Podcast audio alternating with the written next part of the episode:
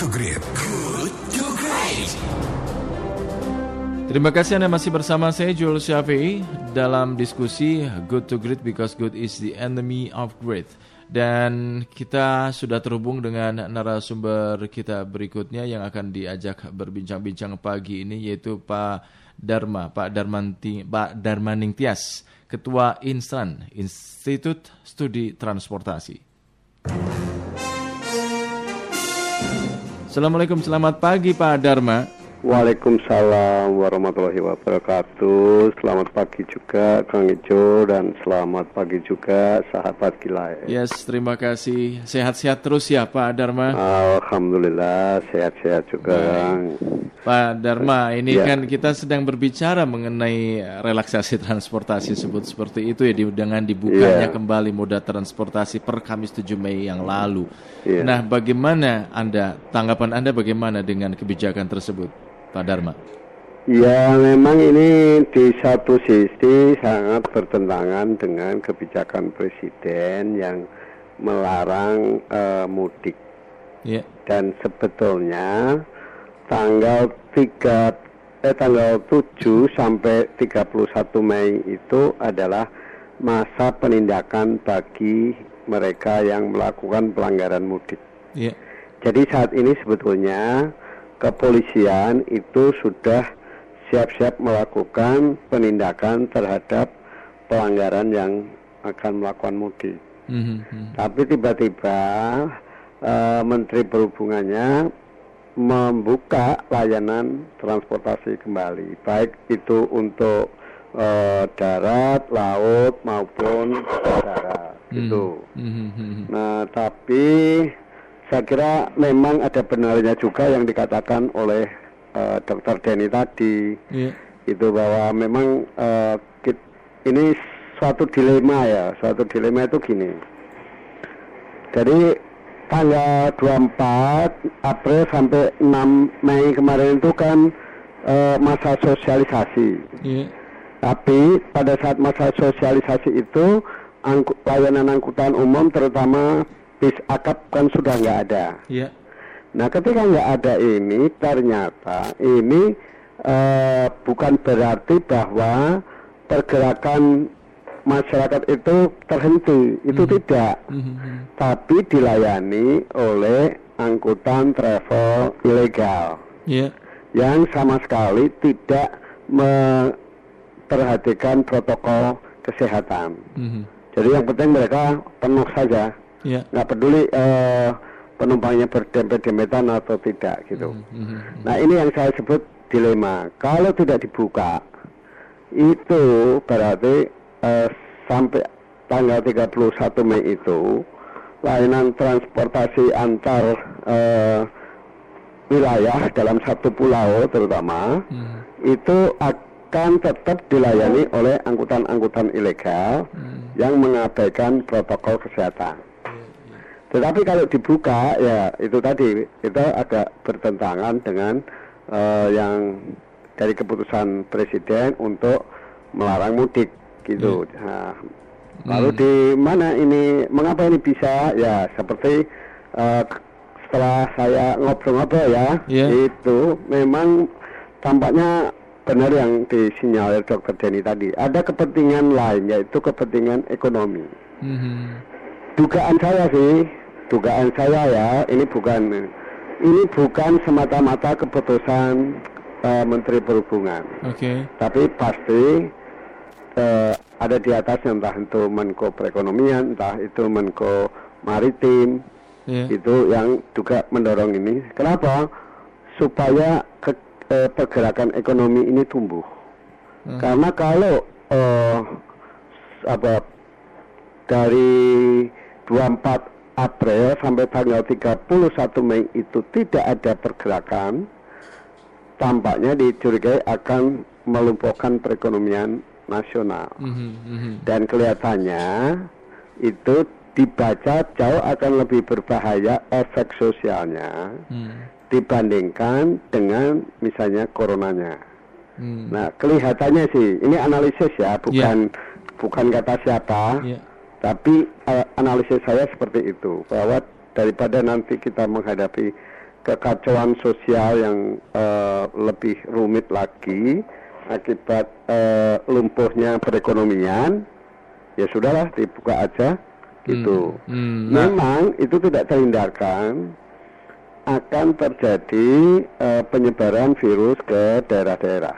iya. Ter- terutama kalau yang melakukan pergerakan itu orang-orang dari eh, zona merah Hmm, hmm, hmm. dan memang sudah sudah terbukti misalnya di Jogja itu Sleman, Bantul dan Gunung Kidul itu sekarang eh, termasuk zona merah itu Iya. salah satunya adalah dibawa oleh orang-orang yang datang ya ya asli sana tapi bermukim di luar daerah mungkin di wilayah Jabodetabek lalu pulang kampung dan ternyata eh, membawa virus itu gitu. Iya, itu iya. memang tidak terhindarkan Iya. gitu. Ini kan Tetapi- memang kan tra- moda transportasi dengan dibukanya moda transportasi ini juga bisa dipahami sebagai langkah dari pemerintah untuk menghidupkan kembali roda perekonomian yang sempat lesu, Pak. Ya. Nah, seberapa besar ketika roda eh, apa moda transportasi ini dibuka, kemudian terus lalu memulihkan roda perekonomian? Ya, pengaruhnya. itu sejauh mana eh, keleluasaan bukanya. Hmm. Nah, kalau kita lihat, ini kebetulan pagi ini saya dapat update dari teman-teman eh, itu, misalnya kemarin, eh, wal- kemarin hari Minggu kemarin, Iya. eh, teman saya yang yang melayani eh, angkutan bandara di Jogja itu sebetulnya sudah menyiapkan dua kendaraan di bandara Hmm. karena dia mendapat info bahwa Lion Air akan membawa 100 penumpang Oke. tapi ternyata itu hanya eh, membawa 23 penumpang Eh. karena yang lainnya itu tidak lolos di bandara gitu Oh. jadi kontrolnya itu tetap di eh, bandara. Hmm. Nah, demikian juga di akap Jakarta Jogja itu tarifnya eh, 700 ribu karena physical distance, Distancing. eh, physical distancing, Distancing, kan? ya. Nah, jadi eh, tarifnya sampai 700 ribu. Itu uh, uh, rute mana ke mana, Pak? Eh, Jakarta Jogja. Oh Jakarta Jogja 700 ribu. Iya, lah kalau kalau tarifnya segitu, orang yang akan naik kecuali mereka yang betul-betul berkepentingan pasti akan berpikir ulang. Oke. Artinya eh, memang keberadaan transportasi yang dibuka kembali itu sangat mungkin betul-betul menjawab eh, surat edaran nomor 4 tahun 2020 dari gugus eh, Tugas. tugas Hmm. gitu loh Hmm. di situ ada sejumlah kriteria soal layanan angkutan uh, umum itu dan siapa-siapa yang dilayani gitu Hmm. loh Eh, si- siapa pun kan bisa gini Pak, ketika kita me- masyarakat mendengar bahwa eh, dengan dibukanya moda transportasi, terus lalu eh, tentu saja masyarakat mencari akal gitu untuk supaya Ya. bisa mudik gitu loh. Nah, eh, terus lalu bagaimana ini? Ini kan masih ada celah yang bisa dilakukan oleh masyarakat gitu. Nah ya, itu tadi buk- sudah dibuktiin satu eh, lewat bandara bahwa ternyata yang booking mencapai 100 Hmm. tapi yang bisa berangkat hanya 23 Mhm, mhm, lalu bis dengan tarif 700 ribu mhm, itu jelas ter- untuk jarak Jakarta Jogja mhm. jelas itu sangat mahal sehingga Hmm. ya hanya orang-orang yang betul-betul berkepentingan saja yang Hmm. akan menggunakan eh, armada itu. Hmm. Nah itu artinya saya mau menjawab pertanyaan anda yang awal tadi sejauh Hmm. mana eh, dampak pertumbuhan ekonominya Hmm. Ya kalau masih terbatas jumlah penumpang yang diangkut memang tidak akan signifikan, Hmm. gitu loh. Hmm. Tapi kalau yang diangkut itu cukup besar, ya ini eh, bisa cukup signifikan karena akan ada arus dana yang dibawa oleh orang-orang dari uh, Jabodetabek misalnya hmm. keluar Jabodetabek Hmm. itu itu akan ada uh, arus perputaran uang lah perputaran uang tapi kalau sedikit ya tidak dan kalau sedikit artinya ya betul-betul hanya untuk menjawab SE uh, gugus tugas tadi Hmm. gitu Oke. kira-kira uh, pandangan saya seperti itu Hmm. Pak Dharma ini yang terakhir dalam situasi seperti sekarang ini idealnya bagaimana yang harus dilakukan oleh pemerintah eh, pusat dan daerah gitu Me- menurut anda mengingat pemerintah juga kan seolah berada dalam dilema ya ini juga me- mengingat ini juga terkait dengan problem eh, ekonomi warga terdampak gitu bagaimana idealnya menurut? Iya gini, kemarin kan kelihatannya ya kalau saya baca Presiden kan mau konsisten, oke putus penyakitnya kan gitu. ya Tetapi ketika dengan melarang mudik, tetapi ketika putus begitu, Mhm. kan konsekuensinya negara harus mencukupi kebutuhan-kebutuhan termasuk memberikan subsidi eh, angkutan yang tidak beroperasi ya karena mereka punya eh, tanggung jawab tetap Betul. seperti ke leasing, seperti ke angsuran bank dan sebagainya. Tapi negara kan nggak punya uang. ya Karena apa? Nggak ada pemasukan. Contoh aja lah DKI. DKI kan APBD-nya besar ya. Mhm. Tapi dengan eh, corona ini pasti minus. Kenapa? Mhm. Pajak yang yang dulu ramai kan, dulu besar kan pajak eh, hotel, restoran, hiburan dan sepeda motor. ya Eh, motor lah, bukan hanya sepeda motor, kendaraan bermotor. Semuanya nggak ada. Hotel, restoran tutup. lumpuh Eh, ya. pajak motor yang jatuh tempo boleh dimundurin. Hmm. Nah kalau ekonomi, eh, Iya. kalau pemerintah nggak punya pendapatan, Hmm. mau mencukupi warganya yang supaya tidak melakukan pergerakan dari mana? Hmm.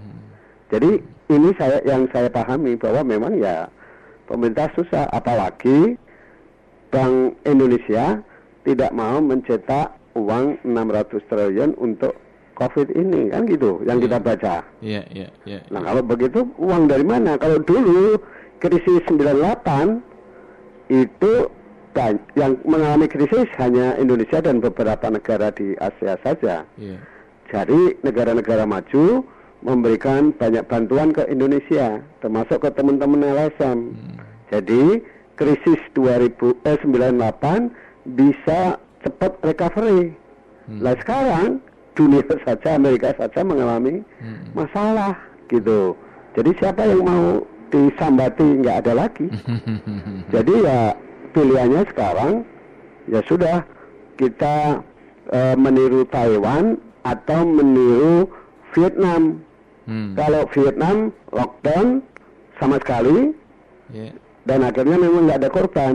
oke Taiwan nggak lockdown, mereka melakukan kegiatan-kegiatan rutin, tetapi eh, prinsip-prinsip eh, kesehatan yang ada di dalam eh, protokol kesehatan untuk menghadapi eh, COVID-19 dijalankan. Dan ternyata Vietnam, eh, Taiwan juga eh, lolos dari Ya. pandemi gitu loh. Hmm. Maksudnya tidak banyak korban, tidak banyak gitu gitu loh. Nah, kelihatannya sekarang pemerintah mau eh, mengacu ke Taiwan Hmm. gitu. Jadi eh, silakan eh, kembali beraktivitas, tapi perhatikan prinsip-prinsip eh, kesehatan menghadapi COVID-19. Berarti kalau begitu ini semua ter, sangat tergantung kepada tingkat disiplin masyarakat ya. Menurut saya begitu karena itu saya kira peran media itu menjadi penting ya untuk mengedukasi masyarakat bahwa boleh melakukan kegiatan di luar rumah, tapi prinsip-prinsip eh, atau protokol di dalam kesehatan menghadapi COVID itu harus selalu diingatkan. Baik, gitu. baik. Ya kita sudah punya contoh itu ya, Iya. sama-sama di negara Asia, Mhm. Iya. Vietnam sama Taiwan, Taiwan. gitu. Dua-duanya sukses Baik. Menghadapi COVID-19. Baik, Pak Dharma, Gitu. terima Nah, kasih Pak Dharma. ke Taiwan. Baik, terima kasih Pak Dharma atas waktu kita bincang pagi-pagi ini sebagai edukasi untuk Iya, publik. Sama-sama Kang Jul dan Iya. dengar eh, sahabat. Ah, Oke, terima kasih sama Pak Dharma. Demikian sahabat Kelet Pak Dharma, Dharma Ningtyas, Ketua Instran, Institut Studi Transportasi.